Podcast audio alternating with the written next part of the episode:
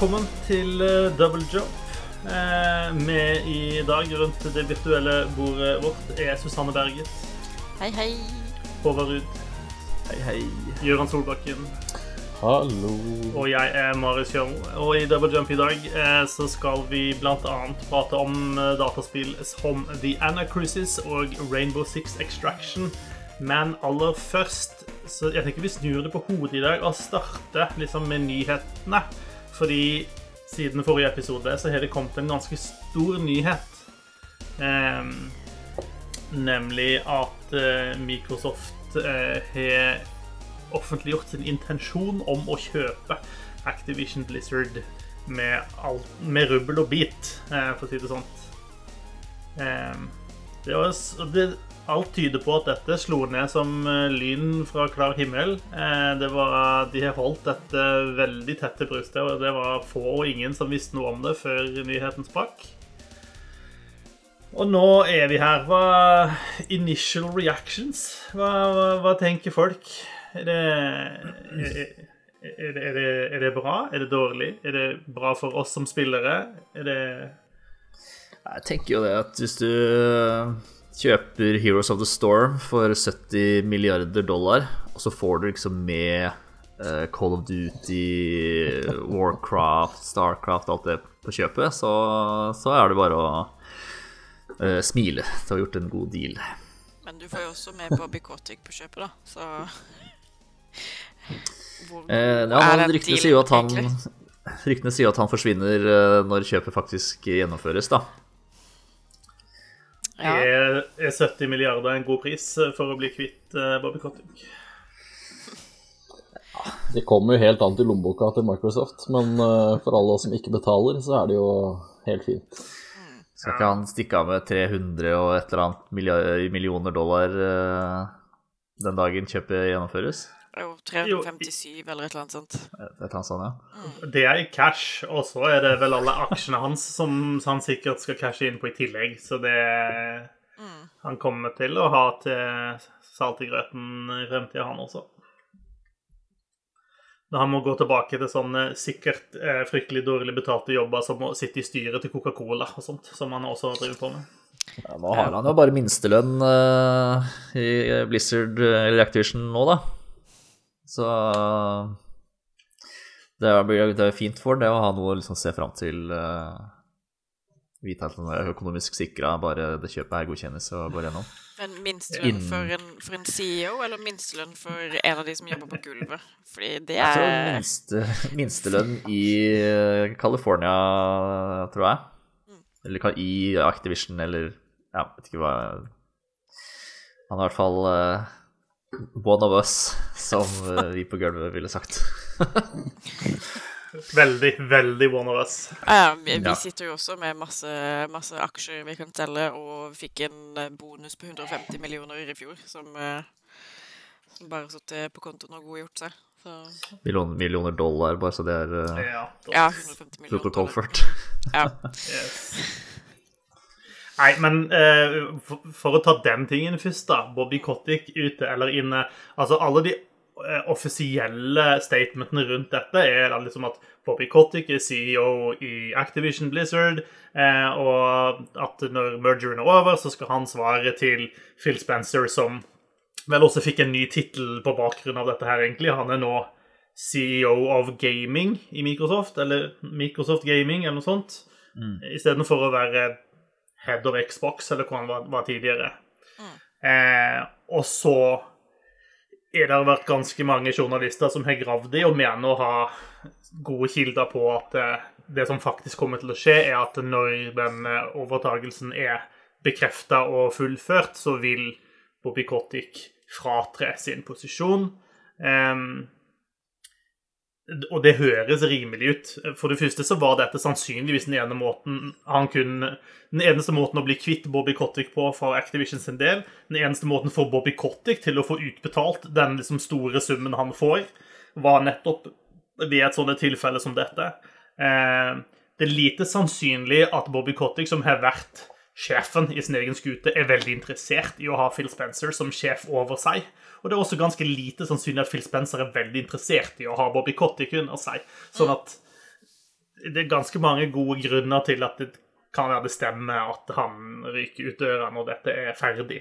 Eh, det er vel stipulert til å være ferdig senest innen eh, Juni, tror jeg. 2023. Ja. Juni eller juli. Andre financial quarter eh, i neste år. Ja.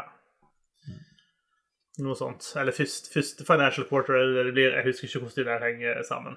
Det, det slutter i mars, slutter vel det økonomiske året, er det ikke sant? Så ja. Jo. Innen utgangen av det første finansielle ja, Whatever. Spørs, spørs litt. Forskjellige Sommer. selskaper har forskjellige finansår og Ja. Whatevs. Men det, Til er sommeren neste år. Ja. men det er jo så fremt salget faktisk går gjennom, og det ikke blir stoppa av, av noen instanser som kanskje har noe å si på det feltet. holdt jeg på å si. Ja, og der er det jo også en del eh, journalister som har vært ute og på en måte forsøkt å liksom finne ut av OK, hva er, hva er ståa her? Eh, Er det noen sjanse for eh, at eh, diverse eh, internasjonale og amerikanske konkurransetilsyn-ekvivalenter kan mene at her er vi så nært en monopolsituasjon at, eh, at de vil, vil legge seg opp i dette. Eh, og så vidt jeg kan se, så er nesten alle enig i at det, det, dette kommer til å gå gjennom. Det vil ikke bli stoppa av det. Eh, markedet er så stort. Man er ikke Selv om det foregår en viss konsolidering på spillsiden, så er det også lett å argumentere for at det har aldri vært lagt så mye spill som det gjøres nå. Det har aldri vært så mange spillselskaper som det er nå. Eh, og selv om Microsoft er store og kjøper Activision, som er ganske store, så det er fortsatt mange andre store.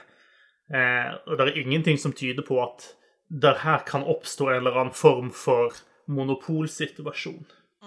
Eh, så vidt jeg kan se, ikke på noen, altså verken på spillproduksjon eller på andre ting. Det var noen som snakket om at eh, Battlenet er en del av dette, og det er en storefront, og er det for få liksom, sånne digitale storefronts. Eh, men det er ganske lett Ja, å peke, peke på Steam og Epic Game Store og si at nei, her er vi ikke i en monopolsituasjon. Og, og Microsoft har jo til og med begynt å pushe sine spill ut på Steam igjen også. Eh, så jeg tror nok at dette kommer til å gli gjennom, og så er det sikkert noen, eh, kanskje noen europeiske, noe i EU, som vil kikke på dette og se om det er noen utfordringer der og sånn, men eh, Microsoft sine advokater eh, har nok stor tro på at dette vil gå igjennom. Ja, jeg tenker jo hvis, Ja, hvis Tencent kan drive og kjøpe opp i så store mengder som de gjør, så bør jo Microsoft får lov til å gjøre det samme. Selv om dette er jo et enormt oppkjøp, på en måte. Ja, og Microsoft sånn i verdi, altså på, på, på spillsiden vil jo fortsatt ikke nå opp til Tencent, sjøl med dette oppkjøpet. Og jeg tror fak jeg er faktisk ikke sikker på om de når opp til Sony heller. Så Nei, det er mange store fisk i, i akkurat det havet der. det er det. Ehm, Men det som er jo litt interessant, der, er jo liksom der OK, hva, hva, hva, hva tenker de andre i markedet når noe sånt skjer? da? Hva tenker Sony? Uh, hva, hva tenker si, de andre uavhengige eh, utgiverne som er, som er av en viss størrelse? Eh, det er jo flere av de, altså Ta bare Ubisoft, for eksempel, som jo er ganske store. De har jo eh, drevet og slitt eh, og kjempa imot en sånn form for hostile takeover i mange år. Eh, Ja, nei, det, blir, det er jo eh, Det er jo alltid den der Microsoft mot Sony-diskusjonen det ender opp med. Det er jo litt naturlig, det, da. Det er klart, det er jo Det oppkjøpet her er jo størst med ganske mange, mange millioner og i størrelsesorden. Sånn enkelt oppkjøp, så er jo det her gedigent i forhold til alt mulig annet vi har sett i spillverden. Så det er klart det um... Og så er det spennende Det mest spennende med det er jo at det er en én konsolleier og én plattformeier som går inn og får så store spilltitler til seg. Og hva det vil gjøre med eksklusiviteten og sånn. Man ser jo Man ser jo hva Sony har gjort med sine, liksom. Altså, de klemmer jo De holder jo sine utviklere på sin plattform eh, altså, eksklusivt ganske lenge, da, i hvert fall. Eh, og det er jo nærliggende å tro at Microsoft også vil gjøre det samme her. Det, det, det blir jo spennende, men det får vi jo ikke vite før om ganske mange år, da. Enda. Nei, altså, nå er du jo på en måte inne på spørsmålet Kommer Microsoft til å ta Call of Duty av PlayStation? Altså, det, er egentlig det det handler om. Eh, eh, og, hvis du ser på Hvis du ser på hva har Microsoft gjort tidligere der med de andre tingene de har kjøpt opp, så er jo det stort sett tilfellet. De, de, mm. de, avtalene som har vært der, de har de på en måte hedra og sagt at de skal vi gjennomføre, og, og avtaler som er gjort, de skal være der. Men så når de på en måte har løpt sin, uh, løpt sin gang, så skal ting inn på GamePass, og poenget er å selge GamePass. Det, det, det er Microsoft sin modell. Det er det de går for, uh, og de fortsetter å dytte inn ting de kan der. Det store unntaket til den regelen til Microsoft er Minecraft. Minecraft er tilgjengelig på alt som kan krype og gå av plattformer, inkludert på PlayStation. Og jeg ser det er jo noen som spekulerer i at ja, kanskje Microsoft kommer til Nå er jo, eh, nå er jo Call of Duty litt sånn splitta i to, eh, med å ha, ha liksom Warzone, som er en sånn free to play-greie. Um, og at kanskje de kommer til å la på en måte den biten være tilgjengelig på alle plattformer, mens de lar den årlige eller annethvert år eller hva nå enn den syklusen kommer til å bli, eh, utgaven av Call of Duty, at den vil bli eksklusiv. Kanskje. Eller kanskje mm. flerspillerdelen på Call of Duty blir cross-plattform, men skal du spille énspillerdelen, så må du på GamePass. Jeg kan ikke se for meg noe annet enn det, for å være ærlig. Det er jo mye penger, da. Altså Jeg mener på jeg så et sted at eh, Activision hadde to, to Altså to, to av topp tre eh, spill inntjeningsmessig på PlayStation i fjor var, var det Activision som sto for. Eh, så det er, jo en, det er jo mye penger som potensielt går tapt også for Microsoft, da, hvis de tar, tar det av den plattformen. Ja, Nei, Det blir spennende å se hvordan det, hvordan det, akkurat det der spiller seg ut. Det er klart Call of Duty er jo det store, store spillet sånn. da. Det er liksom penge, pengemaskinen. Det er jo Men eh, er det egentlig si du... det? Ja, det er jo det. Eh, for det fins jo f.eks. et uh, lite mobilspill som heter Candy Crush. Som tjener jævlig mye mer enn det Call of Duty gjør. Ja, fordi... ja, ja, det er greit. Men det det er jo Altså, der skjer det ikke noe sånt, da. Der skjer det ikke noe splitte, det skjer ikke noe det skjer, Altså, de flytter jo ikke det opp på GamePass eksklusivt. Altså, det ruller jo bare videre som, som det det er. Ja da. Du må ha en Windows Phone for å spille Candy Crush. jeg har en Windows Phone, ja. Yes. Det, er det, er, det, er, det er det sjukeste jeg har hørt i hele dag. ikke i bruk, jeg har den. Uh, Nei, for King, eh, som bl.a. har Candy Crush og er veldig store på mobilmarkedet, de er jo en del av dette oppkjøpet, for de var eid av Activision. Eh, og Microsoft har slitt fryktelig med å komme inn på mobilmarkedet, og det, dette er jo en eh, god vei inn for de, da. Mm. mm. Rett og slett.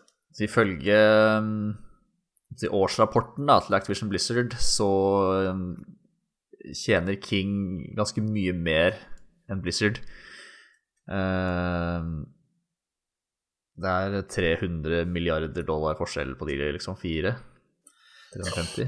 Ja. Men, men, altså, mobilmarkedet er sinnssykt mye større enn konsollmarkedet, for å si det sånn. Det er jo helt uh... Ja, ja, ja. Så, så det, det bare uh, 70 millioner, nei, milliarder dollar som det oppkjøpet her er på, da, er ni ganger så stort som høyt som det de betalte for Betesta for et halvt år siden, eller hvor lenge siden det begynner å bli.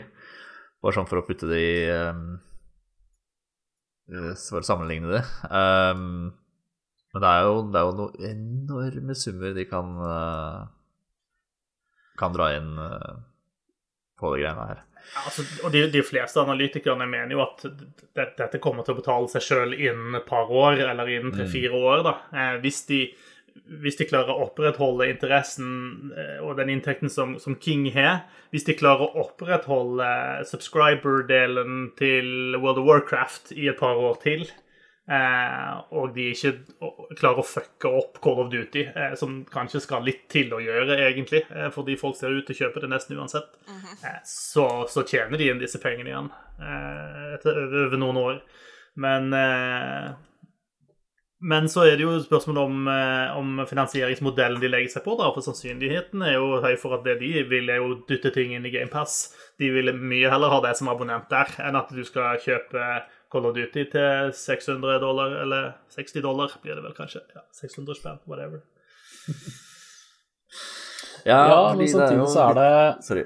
Bare fortsett å gjøre. Ja. ja. Det er så Altså, vi er, vi, er så, vi er så inne i spillverden da, og nyheter og podkaster. Vi er så inne i det, men jeg tror, jeg tror kanskje vi, vi glemmer alle de som Altså, For min del, da. Jeg har en del kompiser. De spiller Call of Duty, og de spiller Fifa. Det gjør de hvert eneste år, uten unntak. De kjøper eh, PlayStation 5 og de kjøper Xbox kun for å spille de spillene. De er det fryktelig, fryktelig mange mennesker av, og de gidder ikke å kjøpe GamePass. De går fortsatt i butikken og kjøper spillet i butikken. Og sånne, sånne mennesker tror jeg det er så mye flere enn vi som er på Reddit og på Twitter, og vi som liksom følger med sånn. Jeg tror vi er en fryktelig lav prosentandel av de som kjøper alle disse spillene. Så jeg tror ikke Jeg tror Microsoft kommer til å pushe GamePass så langt det lar seg gjøre, men jeg tror de er veldig var på å beholde alle de som er utenfor spillverden sånn. For de er mange, altså. Så Så, og så er jo det store spørsmålet som man etter hvert kan stille seg, da, er er Microsoft egentlig fornøyd med å bare selge GamePass? Altså eh, hvis, hvis de gjør en avtale med Sony om å få GamePass inn på, på en PlayStation, da, er, er Microsoft da fornøyd? Altså Er det noe vits? Fordi altså, de kommer er det noe selvfølgelig sannsynlig at det kommer til å skje? Er det, er det det, liksom, noen gang? Nå kommer Sony med sitt liksom, GamePass nå til Er det til våren de liksom skal begynne å si noe om det? Men jeg, altså, jeg altså, Sony og Microsoft har på en måte lagt seg på to veldig forskjellige eh, strategier her, da. Microsoft har De eier dette subscription-markedet nå. Eh, ja, der er andre. EA har sin greie, som delvis allerede er inkorporert i GamePass. Ubisoft har sin greie. Eh, Sony kommer med et eller annet, men det, jeg tror ikke det er noen som tror at det Sony gjør, skal faktisk kunne bli en reell konkurrent til GamePass. De kan sikkert ha et eller annet OK alternativ for eh, The PlayStation Crowd, som uansett bare vil ha en PlayStation. Det kan kanskje være. Eh, men de utgiftene som Microsoft har, altså de årlige tapene de tar for å pushe GamePass nå, for at det skal betale seg en eller annen gang langt inn i fremtida, det tror jeg ikke Sony er villig til å gjøre. Og jeg tror egentlig ikke at de som er glad i PlayStation-spill, egentlig vil at de skal gjøre det heller. Eh, PlayStation sin strategi er å satse veldig mye ressurser inn i noen få og noen relativt dyre å produsere spill. Eh, og selge de én for én, og ta inn de 60 dollarene per spill. Om ikke det er mer på, på PlayStation 5, er det vel sikkert mer enn 60 dollar, men whatever. Og den strategien har fungert bra for Sony. Eh, så jeg tror ikke det vil være fryktelig smart av de heller, om de nå skal kaste seg rundt og si at nei, nå skal vi ta opp subscription-konkurransen med Microsoft. Og hvis de på et eller annet vis kan gjøre en avtale om at her kommer GamePass, du får, kan ha det på PlayStation, da får du tilgang på i hvert fall mange av spillene som ligger i GamePass, hvis du har det der. Eh, og eh, skal du spille noen av disse spillene online, skal Call of Duty være du skal spille det online, så må du ha et abonnement på PlayStation whatever det heter, pluss, eh, for å kunne spille online uansett. Eh, og hvem vet, det kan godt være det er en eller annen for, for, form for eh, eh, inntjening også, altså at de får en cut når, de, når noen kjøper eh, GamePass-abonnementet sitt på en PlayStation eller sånt også. Sånn at eh, og da jo, vil jo også mange hevde at det er jo ingen vits i å kjøpe en Xbox-konsoll. Altså Hvis du får nesten alt som er på Xbox på PlayStation din, din anyway, så kan du kjøpe konsollen der. Du kan ha PlayStation Plus-abonnementet ditt der. Du kan bruke 60 dollar på alle disse gode, eksklusive Sony-spillene, og i tillegg ha GamePass der. Jeg synes det er vanskelig å si. Altså, Det kan godt være at det er en eller annen sånn rar stolthet i det der, men jeg tror til sjuende og sist handler det om business og hva som er best for Sony i the long term, om de vil det eller ikke. Jeg er helt sikker på at Microsoft har lyst til det. De hadde sikkert syntes det var awesome om de fikk det til. Um, ja, altså det er jo uh, Om ikke annet, altså er jo uh, Sony Sony-Nintendo har jo monopol i, i, Japan og de spillmarkedene der. Der selger jo Xbox typ 25 kopier i måneden. Uh, det er klart det hadde vært en fin vei inn å få en bit av den kaka der også for de, men jeg veit ikke, jeg, jeg, har vanskelig for å se for meg at det skjer. Eh, mest pga. Sony. At de ikke vil gi fra seg den posisjonen de har egentlig akkurat der. Men eh, det, det, er jo Microsoft legger jo mer og mer press på de ved å gjøre akkurat sånne her ting, da. De gjør jo det. Det kommer jo, det kommer jo nye argumenter hele tiden. Eh, så det blir spennende å se. Samtidig så tror jeg liksom mer og mer på dem, altså når disse sjefene sier sånne ting som at vi er Altså at, at Xbox og PlayStation er ikke egentlig konkurrenter, fordi at man egentlig opererer i ulike markeder nå. Ehm, jeg tror den der konsollkrigen den er noe som sitter bare veldig dypt inn i hodet på, på en del forbrukere som går i butikken og sier jeg kan kjøpe den eller den konsollen. Eh, og, og, og, litt gammel historikk og sånn. Men eh, det er ingenting som tyder på at Microsoft sin store strategi her er å selge flest mulig Xboxer. da. Nei, Det tror jeg de er ganske, ganske tydelige på også. Uh, om de ikke har sagt det direkte, så er det veldig dårlig til å skjule det. Uh, målet er å få GamePass på uh, alt som har en skjerm, og få så mange som mulig til å abonnere på den tjenesten der det passer dem best. Jeg tror de hadde bikka 25 millioner subscribers mm. nå. Mm. Så det er jo en, en, en jevn månedlig inntekt, eh, selv om de fortsatt taper masse penger på det. Eh, ja, når du går og kaster 100, nei, 70 milliarder dollar hit og dit, så En annen ting som er litt sånn spennende eh, som, altså de, de, store greiene er, Det blir spennende å se det, hva som skjer der, hva som skjer med Blizzard sine spill og sånn, men det er jo eh, Activision har Altså, de eier jo så innmari mye kule merkevarer. Mm. Det er så mye IP-er bak der, så det tror jeg også er en Det er nok en større del av liksom årsaken bak oppkjøpet også, for det er så mye, det er så mye sånn GamePass-godis da, som Microsoft kan sette i gang med alle disse IP-ene de nå faktisk går inn og eier. Mm. Mm. Ja, det er et veldig ja, de, godt poeng. Har jo eh, Phil Spencer har jo allerede vært ute og sagt at han håper å putte så mange tidligere og kommende Blizzard-titler eh, som mulig på GamePass. Så det er jo Det er jo Warcraft, da. Det er Heartstone, det er Overwatch, Diablo um, Bare der har du jo uh, sterke merkevarer med Die Hard-fanbaser. Um, I tillegg så har de jo dratt på seg Tony Hawk, Crash Bandicoot, uh, Spyro um, Guitar Hero. Jeg vet det er mange som uh, har hengt seg opp i det. Um, og de gamle Sierra-spillene ligger der. Altså, det ligger, mm. ligger, masse. Men hvis du ser på hva altså, Hvis du ser Blizzard, de er nå sin greie. De på en måte er man kjent med, og man vet hva slags store titler de har gjort på. Men hvis du ser hva Activision har gjort utenom Blizzard de siste årene, så er det å lage Call of Duty. Det er stort sett det eneste de har gjort. Alle de andre selskapene under Activision de har blitt flytta ifra whatever de holdt på med, til å hjelpe med å lage Eh, Call of Duty. Det er, liksom, det er der de tjener pengene sine. De har fokusert alt inn på det. Og Activision har vært Call of Duty-selskapet. De har knapt gjort annet de siste årene. Um, og det er fordi at det er det som har made sense økonomisk for de å gjøre. Uh, det er ikke mange millioner mennesker som vil kjøpe det neste Tony Hawk-spillet, tydeligvis. Eh, det er ikke mange millioner mennesker som vil kjøpe det neste Gabriel Knight-spillet. Men kanskje det er nok folk som er interessert i å teste det hvis det ligger på GamePass.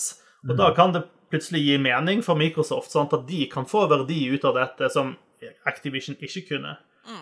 Og det tenker jeg kan være et gode for forbrukere, da, for oss spillere. At Microsoft kan forvalte den IP-katalogen bedre enn det Activision ville gjort.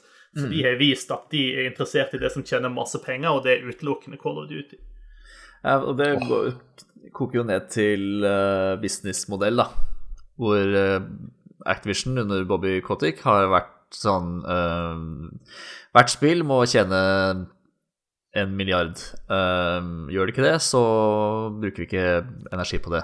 Um, og som, som, du sier, da, så, så, er ikke det så farlig for uh, Microsoft. Uh, de vil bare ha abonnenter på GamePass. Så da så jeg ser mange i min Twitter-feed uh, som naturligvis er veldig glad i f.eks. Eh, Banjo Kazooie, som eies av som er en rare merkevare, rare er eid av Microsoft. Så nå håper at sånn, Toys for Bob, som er en utvikler Microsoft må få med seg i, i, fra Activision, at de kan få lov å lage en remaster av Banjo Kazooie, f.eks. Um, eller Didi Kong Racing, for en saks skyld. Toys for Bob må jo for øvrig bytte navn til Toys for Phil neste sommer. Um, jeg har vært og besøkt det, jeg, faktisk. Har du det? I San Francisco. Toys for Bob. Mm. Og på høyden av På toppen av Skylanders-peaken. ja. ja, men det, det, det er bare det, det, er så mange, det er så mange utviklere der da, som man sånn, kanskje ikke har hørt om, eller sånn ikke husker på i det daglige, i hvert fall. Som nå kanskje kan um, slippes litt fri, da. Uh, sånn kreativt. Uh, og få lov til å lage nye ting og lage litt mer eksperimentelle ting enn en bare jobbe etter denne Call of Duty-oppskrifta som de har gjort i, i veldig mange år. Um, altså, jeg håper jo de kanskje blåser nytt liv inn i uh, Guitar Hero, for eksempel. Mm. Jeg kunne godt tenke meg et nytt uh, Guitar Hero-spill. Det hadde vært uh, jævlig gøy. Jeg tror jeg til og med Bobby Cottick har sagt at han håper uh, Nei, da vil jeg ikke ha det. Jeg kan ikke være enig med Bobby Kotick, liksom. jeg angrer. Jeg angrer. ja. Trekker du tilbake? Ja, Gabriel Knight, bisto i din remake, fortsatt i FME. Da er jeg en lykkelig mann. ja, det er, det er en del ting her som eh, det hadde vært kjekt. Kanskje vi kunne fått et nytt Starcraft-spill, til og med. Altså mm. um, ja, jeg syns det, det, blir jo spennende å se hva For det er jo Activision har jo på en måte eh, forsura hele arbeidsmiljøet i sitt eget hus, og de har etter hvert også kødda til i Blizzard sitt hus. Mm. Eh, det er klart, det er jo ikke Nå får ikke Microsoft lov til å gjøre så mye før eh, om ett og et halvt år. Eh, så det blir jo spennende å se det blir spennende å se hva som skjer fram til da, og så blir det spennende å se hva de gjør da. Og det tar jo Den prosessen der er ikke gjort på en måned, da. Liksom hei, nå er, det, nå er det bra hos oss. Nå har vi det fint, og vi har korte arbeidsdager, og alle er snille med hverandre. Altså, det er ikke, det er ikke august 2023, det, liksom. Nei. Det, er jo en voldsom sånn prosess der òg, men jeg tror jo og det er litt farlig å si da om Phil Spencer, for han er jo egentlig ikke Han sitter jo i samme posisjon som, Bill, som eh, Kotick er. Altså, han er jo headman med masse penger i lomma, liksom. Men han virker jo som om en fyr som bryr seg om spill. Mm. Det tror jeg Kotick bare driter i. Altså, han tenker penger. Det, han er en pengemann, liksom. Mm. Ja, Phil, uh, Phil, Spencer er jo, er jo, en gamer by heart, virker det som. Det ja, har jeg ikke inntrykk av Kotick her.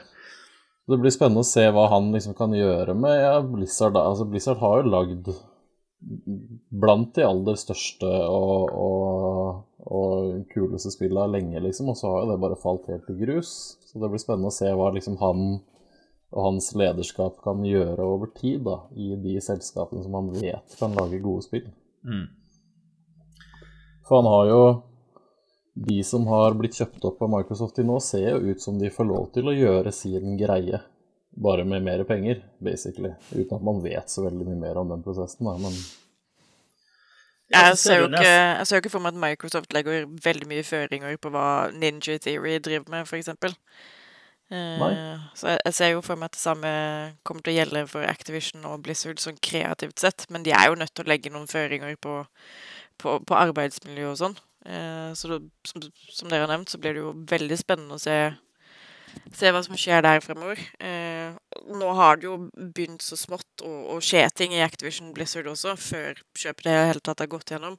I og med at uh, hva det heter, Raven Software uh, har satt i gang uh, fagorganisering og på en måte bedt Activision godkjenne denne organiseringa frivillig, uten at de må gå til streik og til sak for å slå det gjennom. Så det blir spennende å se om, om, om det faktisk går gjennom, da, eller om Activision Blizzard kommer til å kjøre det samme løpet helt frem til de blir faktisk overtatt. Det var vel eh, var det Q&A-testing-testerne som hadde, hadde ja. eh, slått seg sammen i, i en fagforening. Jeg mistenker jo at dette oppkjøpet kanskje egentlig kommer til å jobbe litt imot Ikke, ikke nødvendigvis akkurat den, da, men en del av de forsøkene på å starte fagforening.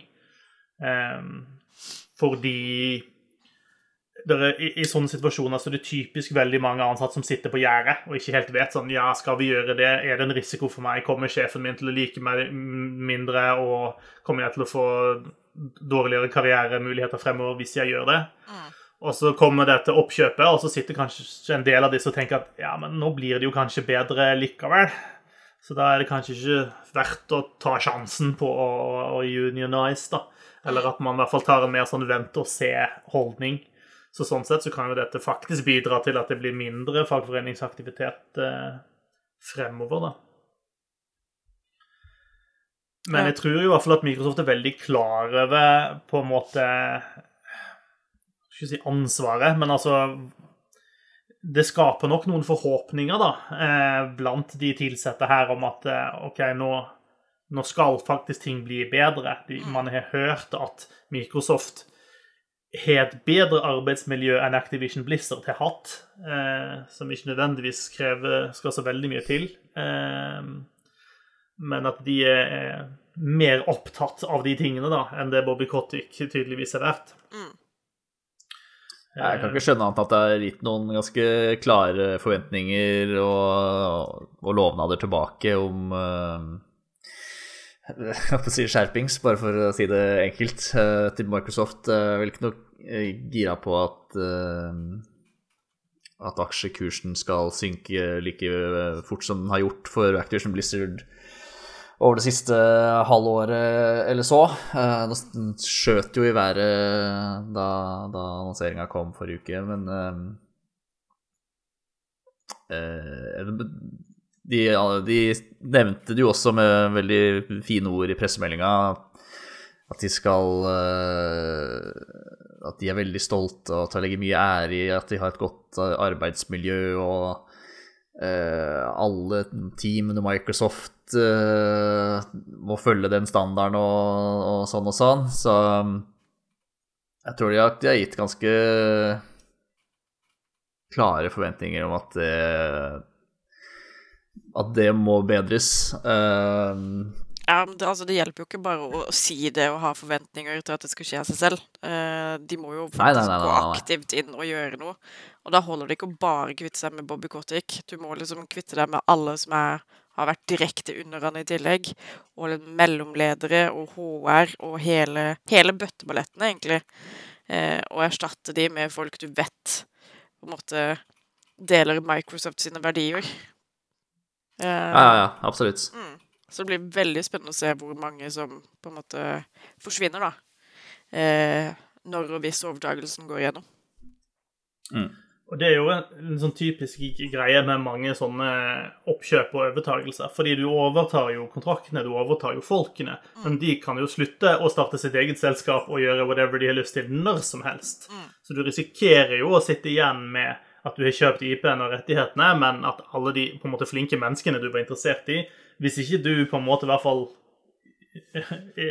tar, tar de godt imot, for å si det sånn, da, og, og klarer å overbevise de om at her er det en god plass å være, og ting kommer til å bli bedre her, så kan de finne seg noe annet å gjøre. Altså sitter du der uten eh, de som skulle lage Overwatch 2 eh, på laget. Eh, ja. Og må begynne, begynne et eller annet sted langt tilbake igjen i prosessen for å plukke opp bitene. Så det er jo definitivt insentiv for Microsoft også til å faktisk eh, klare å beholde den kompetansen her, da, og, å, og dermed gjøre arbeidsforholdene bedre for, for de som er der. Så jeg er nå i hvert fall positiv til at det kan bli bedre for de ansatte. Men hvor raskt det går, er vel egentlig kanskje det som er den største spørsmålet. Ehm, det er jo sannsynlig at det ikke kommer til å skje så fryktelig mye frem til eh, sommeren til neste år. Jeg jeg har ingen anelse om hva den avtalen innebærer sant, for, sånn som for Bobby Kotick sin del, men jeg tipper at det er ganske, han har sikkert ganske tydelige føringer på å sitte jævlig stille i båten frem til avtalen er på plass for at han skal få utbetalt de millionene han skal få utbetalt. da. Um, så jeg tror hvis han skulle plutselig løpe rundt og begynne å lage, lage styr, så tror jeg uh, det blir noen, uh, noen dollartegn mindre på sjekken han får til slutt. Ja, Samtidig er så er det jo Det er sikkert en grunn til at Microsoft nå går inn og kjøper Activision. Det er jo fordi at eh, man har vært litt eh, Om ikke det er Titanic på vei mot eh, isberget, holdt jeg på å si, så er det jo Det går jo ikke superbra med Activision Blizzard om dagen. Én ting er alle er søksmålene som er mot de, som er opprør blant de ansatte. Men hvis du ser på spillene og sånt også eh, Blizzard har jo ikke gitt ut spill siden gud vet når. Var det Overwatch som var siste spill Blizzard ga ut, liksom? Jeg lurer på det. Ja, det begynner å bli en stund siden. Fem år Diablo 2. Resurrected, hvis du teller med det, da. Warcraft Resurrected, eller hva det heter for noe, kommer også. Det er det ingen som teller med. Nei, sånn, men det er fryktelig lite som kommer ut der, og, og Call of Duty er jo også litt sånn der at folk vurderer sant, OK, er, Call of Duty over the hill? Har de på en måte hatt toppen, og nå er det liksom nedoverbakke for Call of Duty? Det er ikke lenger den tingen det en gang var. Kanskje, hvem vet? Eh, og de har, de jo ikke noe annet de satsa på eh, enn det. Så Vel Fremtidsutsiktene er vel kanskje eh, litt sånn usikre, da, i det minste, for Activision Blizzard sin del nå også. Jeg tror vel den kjøpesummen hadde vært adskillig høyere for noen år siden hvis de skulle gått inn når eh, Warcraft hadde tre ganger så mye subscribers, Overwatch fortsatt var kult, eh, Call of Duty fortsatt var et OK skytespill. Altså, jeg tror når man først skal gå inn og gjøre et oppkjøp av den størrelsen her, da, så tror jeg det, hadde, jeg tror det er en veldig god timing. Eh, sånn med tanke på alt, alt det røret og bråket som har vært og sånn, så er det, ikke, det er ikke sikkert de hadde vært med på å blitt kjøpt opp eller noe i det store og det hele for, for noen år siden, fordi da satt de så veldig stødig sjøl. Så jeg hørte jeg var på Giant Bomb, så sa de vel at han Phil Spencer begynte å jobbe hardt med det her i november, og det var egentlig hele avtalen ble gjort i jula, bare. Så det er ganske sånn Det, det her har de ikke snakka om i årevis. Det var mer nå, nå bare hopper vi på, og så gjør vi det, og så blir vi ferdige, liksom. Det er ganske, det er ganske sjukt at en sånn avtale liksom er jobba med et par måneder. Det sier jo litt om Det sier jo litt om timing og og business teft hos Microsoft, da, for det Jeg tror ikke det kunne skjedd på et annet tidspunkt. Det tror jeg du har rett i. Så jeg tror det er jo det, det er liksom skummelt at et stort selskap blir større og får så mye eierandeler i så mye ting. Det kan, det kan på en måte ha konsekvenser, men sånn som Microsoft har drevet business i det siste, og sånn som på en måte Phil Spencer styrer det, så tror jeg for, for Activision og for Blizzard så tror jeg det, tror jeg det er et bra, bra oppkjøp for de da. Jeg tror det, de går bedre tider i møte, og det forhåpentligvis så drar vi spillere også litt nytte av det etter hvert. For kanskje ikke Activision bare er Call of Duty, kanskje Activision faktisk gir ut noen av de 150 kule IP-ene sine i tillegg, liksom. Og ikke bare pumper alt på multiplayer Call of Duty. Tenk når, hvis Microsoft kan få disse teamene til å samarbeide og lære av hverandre også. eh, Liksom Call of Duty og Halo og disse tingene. hvis De kan de har sikkert mye eh, de kan bidra og hjelpe hverandre med også, for å gjøre hverandre bedre. Så, Absolutt. kanskje neste Så har du Candy Crush som ligger der og drar inn 300 millioner i året, så da kan du på en måte spytte inn litt penger i noen små firmaer og finansiere litt indie-prosjekter og litt sånn kjærlighetsspill her og der, liksom. Det, Jeg forventer Candy Crush på GamePass nå. det er sjukt. Det blir, eh, det blir veldig interessant å følge eh, fremover. Eh, og det blir interessant å se i hvor stor grad Microsoft kommer til å på en måte gå inn i, i Activision Blizzard i det hele tatt. Eh, de har jo vært veldig tydelige når det gjelder Betesta på at eh, nei, nei, vi skal ikke inn og, og fucke opp ting her. Her skal Betesta skal få fungere som de har gjort før, med den samme ledelsen de har hatt før. Vi skal på en måte være ganske hands off. De skal ha sine prosjekter de har lyst til å kjøre. Vi skal bare være her og hjelpe dem når de trenger det. på en måte. Det har vært litt sånn kommunikasjon rundt det. da. Eh, spørs, Det det spørs om de tør å være så hands off eh, på Activision Blizzard med alt eh, styret som har vært der. Det, trengs nok noen voksne i rommet for å komme inn og rydde litt der. da. Det har vært ja. nok hands on i Activision Blizzard, eh, Hei, hei, hei. for å si det sånn.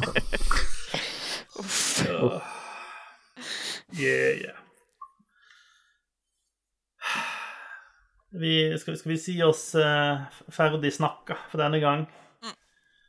Det blir spennende å følge utviklingen fremover, men eh, det skjer nok ikke så mye. Det blir spennende å se da om Activision Blizzard-spill begynner å poppe opp på GamePass før avtalen er, er sluttført. Det er jo ikke utenkelig. Hvis de eh, er rimelig trygge på at dette kommer til å gå i land, så vil vi jo sikkert se båndene bli noe tettere fremover. Mm, helt sikkert. Den som lever, får se. Skal vi prate om spill vi har spilt? Ja. Kjapp gjennomgang. Ja. Skal vi begynne? Skal vi begynne på Vi spilte et spill i lag, hele bøteballetten, eh, forrige mandag. Eh, Da hadde ikke eh, Microsoft sagt at de skulle kjøpe Activision, eh, så da bestemte vi oss istedenfor å prate om ikke det, eh, og spille The Anna Cruises live på Twitch. Det, det ligger sikkert ute på YouTube og whatever hvis du har lyst til å, å se oss eh, være utrolig lite flinke. Hei, hei, hei. Snakk for deg sjæl, da, du. Ja, det gjør jeg Jeg faktisk. var, jeg var ganske flink, jeg, altså. Hva, hva Ja, var det vi spilte? Vi? vi spilte Anna Mm. Ja, hva er Det det? er et fire, fireplayer co-op-spill satt til en eh, romstasjonen slash et eller annet eh, Austin Powers-estetikk. Mhm. Med Der alle, alle som bodde der, tydeligvis har blitt til et eller annet vesen, eller blir kontrollert av noe eller et eller annet. Jeg vet ikke. Det var ikke noe story der. Nei. Space is zombies. ikke... Ja. Space Zombies. Da løper man, løper man rundt, og så skyter man, og så gjør man en eller annen feil et sted, og så blir det, kommer det en eh, sånn dun-dun-lyd, og så bare renner det på med fiender. Så skyter man de, og så går man videre til neste, og så skjer det samme igjen. Ja. Ja. Sånn. Det var spillet. Ja. Eh, tidvis underholdende, eh, veldig hektisk. Eh, jeg skulle gjerne hatt litt mer historie, litt mer law. Eh, hadde vært fint. Eh, og så føles det litt dødt, på en måte. Ja, det gjør det. Mm. Kul Altså, det er en kul Jeg syns det er en kul stil på det, men det var, det var veldig tomt og veldig Det var litt kjedelig allikevel, selv om stilen i seg selv var kul. Så var det Det var ikke noe Det var ikke noe gøy å løpe rundt og utforske, annet enn at man må jo bare finne veien videre. Ja, for det er, jo ikke, det er jo ikke noe å utforske, på en måte. Nei. Eh, Du kan finne en sånn matter compiler, men det er vel det eneste. Som, Mm. som gir deg forskjellige oppgraderinger til enten helse eller våpen eller eh, eh, kreftene dine.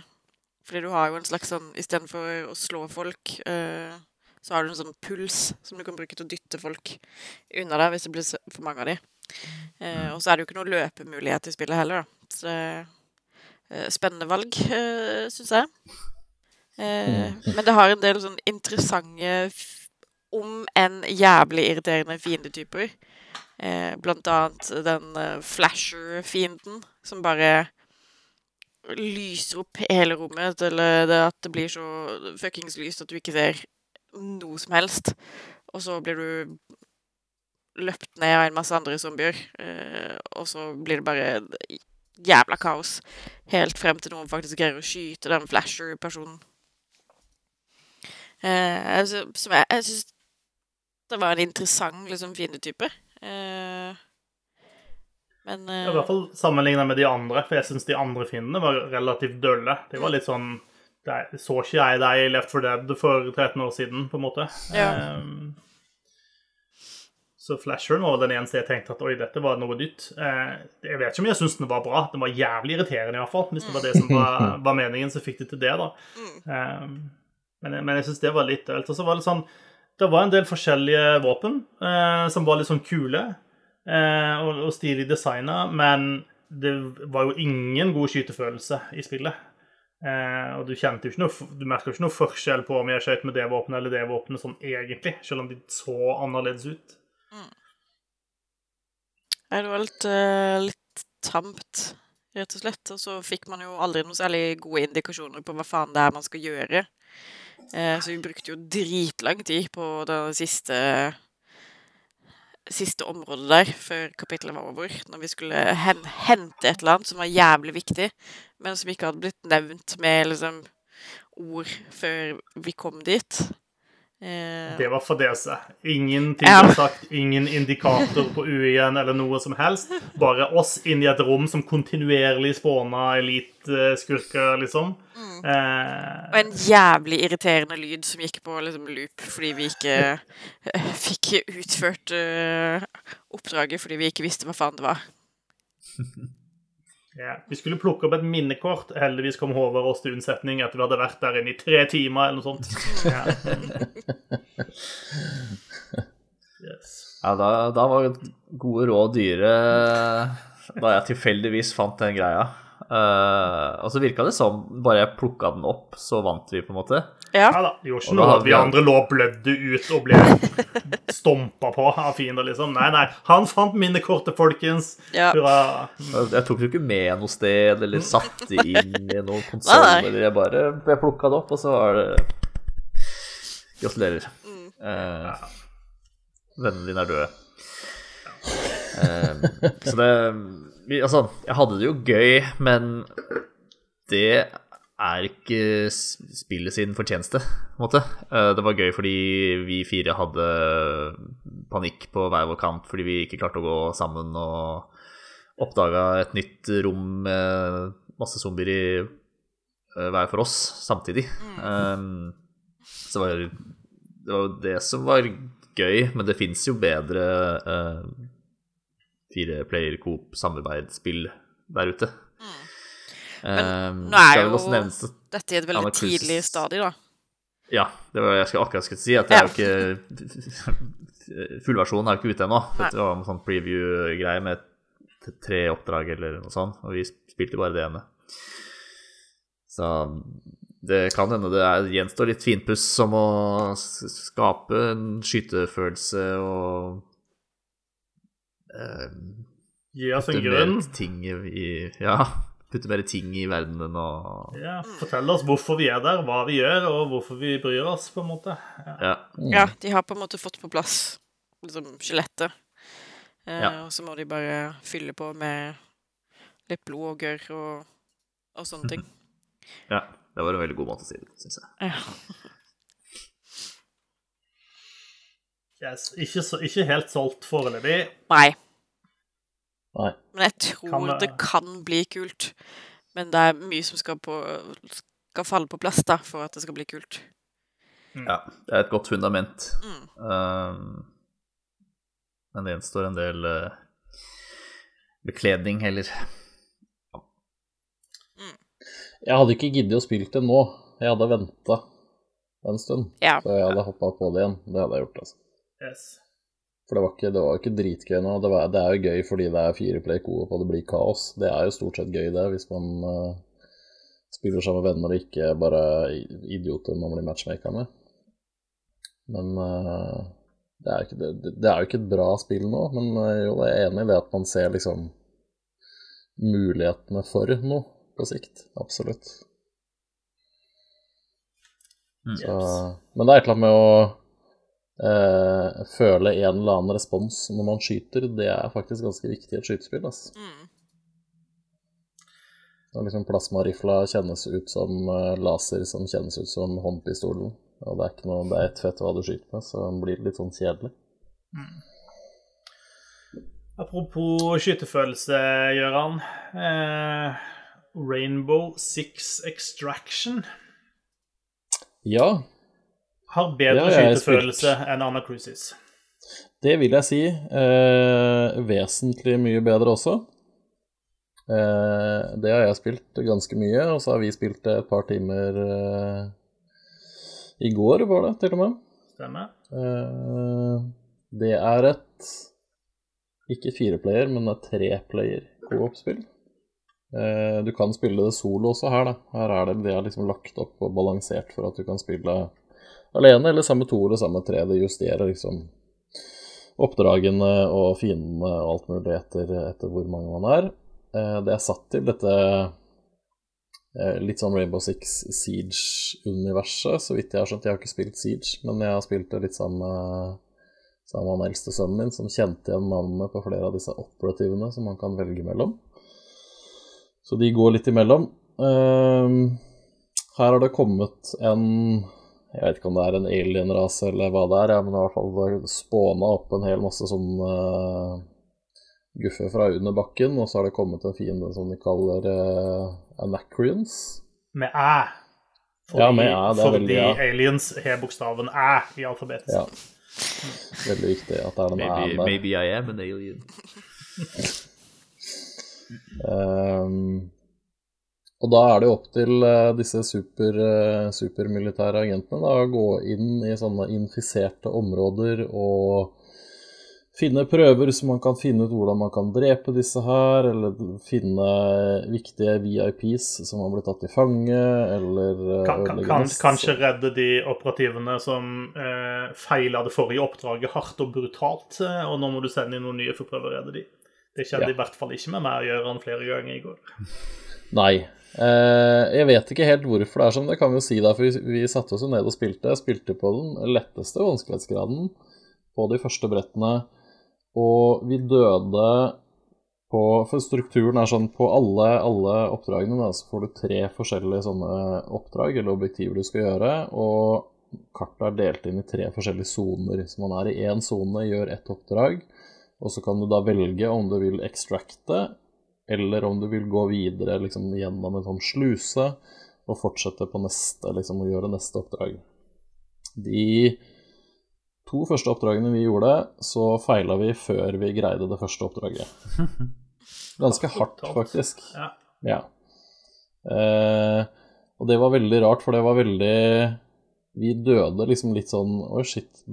Veldig fort og veldig Jeg vet ikke, det kjentes ikke urettferdig ut, men det var veldig overraskende. Og det var veldig mye vanskeligere enn det jeg hadde sittet og spilt bare rett før når jeg spilte aleine.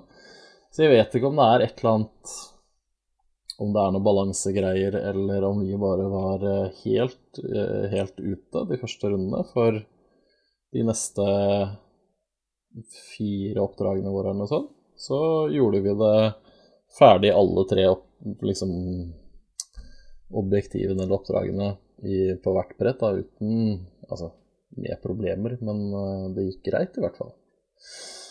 Så jeg vet ikke om det er noen sånn balanseissues eller hva det er. Men eh, det er jo et mye mer sånn altså taktisk skytespill enn f.eks. Anacrusis eller Back for Blood eller hva det er. Det er ikke så kaotisk, og det er ikke så liksom mange fiender, men du dør også veldig, veldig mye fortere. Så når det typ er mer enn tre-fire fiender rundt deg, så da er det panikk, da.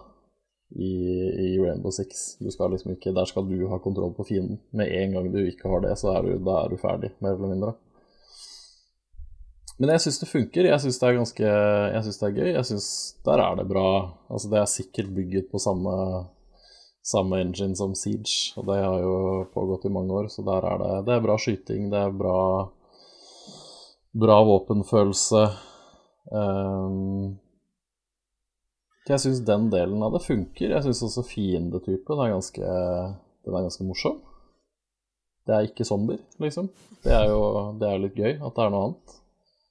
Um, men, er, liksom... men, men, er det ikke Altså Altså Last of Us er ikke zombier heller, men, men er det ikke egentlig zombier? Altså Jo da, eh, det, det kan du si. Eh, Zombier eller aliens, det er ett fett. Det er, men det er liksom sånn samme greia, da. Du har vanlige sånne grunt som er i alle andre sånne spill, og så har du disse spesialfiendene som kan liksom Du har en som kan skyte sånne tagger på deg, du har noen som eksploderer, selvfølgelig, for det må du ha.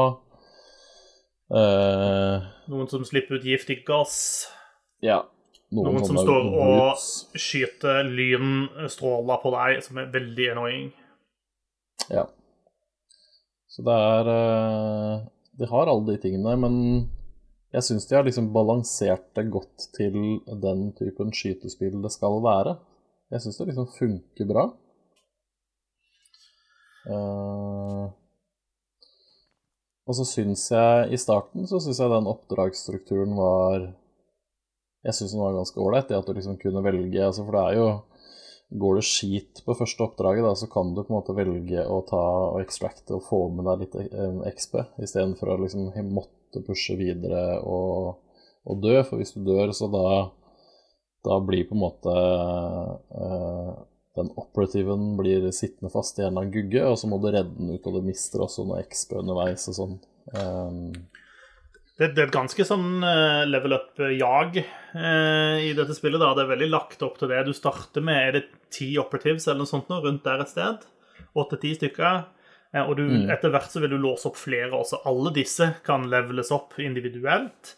og så leveler du opp utstyr og, og ability som man har tilgjengelig, skal leveles opp. Og du har sånn derre Skal ikke hva det heter, men sånn milestone progress tracker som liksom går opp uh, etter hvert når du har fått nok XP. Det er liksom Ja, det er ting Her er det XP og samle og tall som skal bli høyere eh, over tid, da.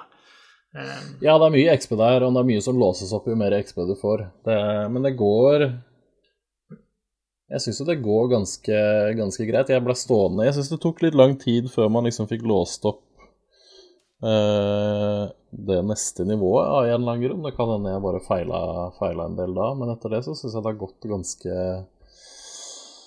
ganske radig. Men du blir jo fordi når du tar skade eller når du dør, så blir den operativen enten skada og har mindre hitpoints, eller blir jo da fanga. Da må du spille med en av de andre, så du blir liksom tvunget til å tvunget til å prøve de forskjellige som har forskjellige abilities, som har forskjellige våpen og sånne ting. Da. Eh, den delen av det syns jeg egentlig er ganske morsom. Det at du liksom må passe på litt, og du må liksom jeg vet ikke, levele opp typ flere, da. Eh, men jeg syns oppdragsstrukturen nå synes jeg den begynner å bli litt Den begynner å bli litt sånn repetativ syns jeg. I at det, liksom, det er alltid tre rom, det er alltid tre nivåer, og du har ti-tolv eh, forskjellige sånne oppdragstyper, så det blir litt sånn du, du blir litt dreven etter hvert i å liksom gå inn, og så er det ikke, det er ikke så spennende å finne ut hva du skal gjøre, for det vet du allerede på forhånd, og du går dit og du gjør akkurat den samme tingen hver gang. Og eh, når jeg kommer til det nivået at nå er det sånn Å, shit, nå gidder jeg ikke å gå videre, for jeg vet at den en der spåner det så mye fiender, så der mister jeg stort sett veldig mye hitpoints. Så da bare extracter jeg med en gang, fordi jeg gidder ikke å gjøre den, fordi den er mye vanskeligere enn alle de andre. Typ. Så det er et, det, Jeg syns det er et ålreit, litt annerledes sånn type spill. Jeg har det gøy med det, men Det er eh, Jeg syns det er litt for repetitivt. Jeg syns det er litt for mye likt hele veien. Jeg syns vi kunne variert litt mer, kanskje hatt noen Altså variert områdene, egentlig, hadde holdt. At det ikke alltid var tre litt mindre rom eh, som du skulle gjennom. Det er jo et spill som er ganske gadget-heavy, da, som veldig gjerne vil at du skal, du skal ha en stor verktøykasse du kan bruke. Eh, Og den blir jo større etter hvert som du øh, låser opp flere sånne milestones også. Og så får du tilgang til flere, flere forskjellige typer granater, flere forskjellige dingser. Eh, Og alle de operativesene har også eh, egne sånn spesielle egenskaper som bare den operativen har. Um, og det er klart, skal du lykkes på høyere vanskelighetsgrad, så er du jo sikkert nødt til å bli veldig flink til å bruke disse. Jeg synes når du og jeg Jørgen spilte, så jeg, jeg var i hvert fall ikke flink til dette. Jeg var stort sett, stort sett pe pek med våpenet mitt og skyt på styringene, som, som var og, og, og, hvis du får panikk, så kaster du rundt deg med granater. Det er liksom min strategi, da. Ja, det blir, det blir vesentlig viktigere hvis du øker vanskelighetsgraden litt, eller hvis du kommer videre, for da er altså det første nivået er lettest, og så blir det mer og mer utfordringer jo lenger du kommer. Du møter også nye fiendetyper på de neste områdene, da. Så da eh, Nå har jeg kommet til nivå fire, har vel jeg låst opp nå.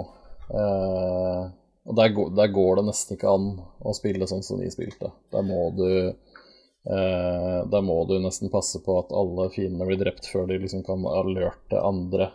Du må bruke gadgets for å liksom pinge fiender, sånn at du har kontroll på at det ikke kommer noen bak deg. Sånn. For da jeg, jeg, tror det er på en måte en, en, av de sånn, store forskjellene på, fra Rainbow Six Extraction og spill som Diana Cruises eller spill som Back for Blood og Left for Dead og den typen spill, at det er liksom det taktiske aspektet her. Når, du, når vanskelighetsgraden blir litt høyere, så er du nødt til å bruke mange forskjellige verktøy. Og liksom, du må være smartere enn fiendene, på en måte. Eh, ikke bare flink å skyte eller rask å løpe, på en måte. Eh, mm. Og det er på en måte Jeg tror det er, det der en del av moroa i dette spillet er å finne. da Du må på en måte like den biten. Du må like å gjøre recon. Du må like å sende ut den der eh, lille kameradronen din for å, å scoute et rom før du bare braser inn i det med, med hagla på hofta, liksom. Um, og jeg tror at Hvis du kan, kan like de tingene, så har du det har jo dratt med seg disse her greiene fra, Siege, hvor du kan eh, altså du kan sperre igjen vinduer, du kan forsterke vegger, du kan skyte gjennom vegger. altså Alle disse tingene der. da. Um, så, så, så, hvis du kan sette pris på den typen ting, eh, så tror jeg du vil like dette. Og så er det jo i tillegg på alle disse oppdragene så er det jo en timer som tikker ned, så du kan ikke bruke all verdens tid Eh, på oppdragene heller. Du må liksom klare det innenfor en viss tid, stemmer ikke det? Eller var det bare noen oppdrag som var sånn? Jo, nei da. Er, du har 15 minutter per område. Ja. Uh, så du må liksom kombinere med å være OK, vi må være smart, men vi må også vise handlekraft, for hvis ikke så går tida ut, og da blir det kaos. Ja. ja. ja det, veldig, det blir veldig mye mer Altså litt annerledes type teamwork her, da, enn det blir på de andre, for der er det mer sånn der må du på en måte dekke ryggen til hverandre og skyte mest mulig. Her er det, her er det mer taktikkeri, og du setter sammen Når du blir litt kjent med oppdragene og sånn, så velger du gjerne operativs eller utstyr litt etter hva du skal gjøre også. Eh, sånn at du er, faktisk er bedre rusta til å klare det. Så jeg syns det er gøy. Jeg syns det blir litt repetitivt, akkurat det, den strukturen i spillet. Og og at det kanskje ikke Det er ikke nok variasjon akkurat der, da, men bortsett fra det, så har jeg det gøy, altså. Det er uh, Ja, det er morsomt, syns jeg. Faktisk. Og så er det Jeg syns det er ganske bra lagd. Ja, her har de faktisk masse Det er masse law, og det er videoklipp imellom, og det er uh, ikke Altså. Det er, ikke noe, det er ikke verdens beste historie. Det er litt sånn Division 2-nivå på det, i beste fall. Men uh, det er, noe, det er, noe, mye gøy å hente der, og det har masse kodeks med info om fiender og alt mulig. Så jeg syns de har gjort veldig mye ut av, ut av spillet. Det er det mest det, det mest utarbeida spillet som har kommet, da, hvis man liksom skal samarbeide, sammenligne med Back for Blood, da, f.eks. Så, det, så var det enda mer bare bones det enn det her. Jeg er enig. Jeg syns det, det, det, er Det er bra lagt. Jeg, jeg deler den bekymringen din også for altså hvor, hvor gøy er dette i lengden. Klarer de på en måte å gjøre det interessant over tid? Det er den ene tingen som jeg tenker med eh, Som de må jobbe med, da. De må, sant, når de skal lage nytt innhold og sånne ting, så tror jeg de er nødt til å, å klare å mikse ting opp for å holde det interessant over tid. Um, Ja. Men jeg hadde det Så er det en av sånn endgame En sånn endgame-greier som ikke jeg har kommet til. Jeg har ikke sett hva den innebærer ennå, men jeg tror det er bare mer av det samme. Eh, Ja. Bare jævlig vanskelig. Så Og så mistenker jeg, nå har jeg bare spilt, eh, spilt, eh, spilt det sammen med deg, Gøran, og så spilte jeg litt tutorial alene også. Og jeg tror at hvis man er tre, altså Jo flere spillere man er, da, tre er vel maksen man kan være sånn, i co-op. eh, jeg, jeg mistenker at det på en måte sikkert blir om ikke mer kaotisk, så blir det på en måte eh, Jo flere man er, jo større blir behovet for at man er koordinert og, ikke løper rundt som hodeløse høns. da. Eh, for med en gang det er én spiller til, så vil det også være betydelig flere fiender eh, involvert. Sånn at jeg, jeg, jeg tror kanskje mye av moroa er der hvis man er tre sammen, da. Ja, det oppleves som lettest å spille aleine. Og det er nok rett og slett fordi det blir vesentlig mye mer fiender. Og da, da Det er ikke et spill som gjør seg godt når det blir kaotisk, da, for da sliter du innmari, liksom. Så mm. Men jeg syns allikevel det er gøy. Jeg syns det er morsomt å gjøre det aleine også. Uh, absolutt. Det krever litt, en litt annen tilnærming, så Men jeg syns altså Ja, du får det jo på GamePass nå. Det, det, er ikke, det er ikke noen grunn til å ikke prøve det. det Både Anna Cruises og uh, Rainbow Six Extraction er tilgjengelig på GamePass. Eh, skal du spille Rainbow Six Extraction på PC, så må du hoppe gjennom noen loops eh, for å få det til. fordi at selv om det er inkludert GamePassen din, så ikke spillet å finne i Xbox-appen på PC-en. Du må linke GamePass-kontoen din med Ubisoft Connect, som det nå heter. Eh, og så må du gjøre noen ritualer, be til noen guder og, og, og skru av og på et par ganger og sånt. Og så forhåpentligvis er spillet å finne i Ubisoft Connect-biblioteket ditt når du har gjort alle disse tingene. da. For det var det ikke da jeg prøvde, og nå tror jeg at jeg må ta kontakt med noe kundesupport for å få spilt uh, Extraction, og uh, vet ikke om jeg er så gira på å spille det, faktisk. Nei. Der kan du se. Så det er ikke gitt at dette bare funker eh, av seg sjøl. Nei, det var litt, det, det var litt styrete. Og det, og det å finne ut av hvor du skulle gå for å linke sammen de kontoene, det, det måtte jeg google og bare få den lenka fra noen andre som hadde funnet dette ut av. For det klarte ikke jeg å skjønne i systemene der, i hvert fall. Ja, akkurat den fikk jeg rett fra Ja, det, det var ikke problemet mitt, i hvert fall. Um, det, det fikk jeg gjort, og jeg får ikke gjøre det igjen, for det, det har jeg allerede gjort, får jeg streng beskjed om, så uh, Jeg skal nå visstnok bare finne, kunne finne spillet i mitt uh, Ubisoft-bibliotek. Det klarer ikke jeg å se. Uh, og da er neste skritt ta kontakt med kundesupport. Har du huska å ofre en snack til Ubisoft-gudene? Det har jeg God glemt. snack. Det Altså ikke hvilken som helst snack. Ah, nei, her snakker vi dyr rødvin og fancy kjeks og eh, stinky cheese. Minimum. Eller en Snickers. Eller en Snickers. Jeg er veldig glad i Snickers.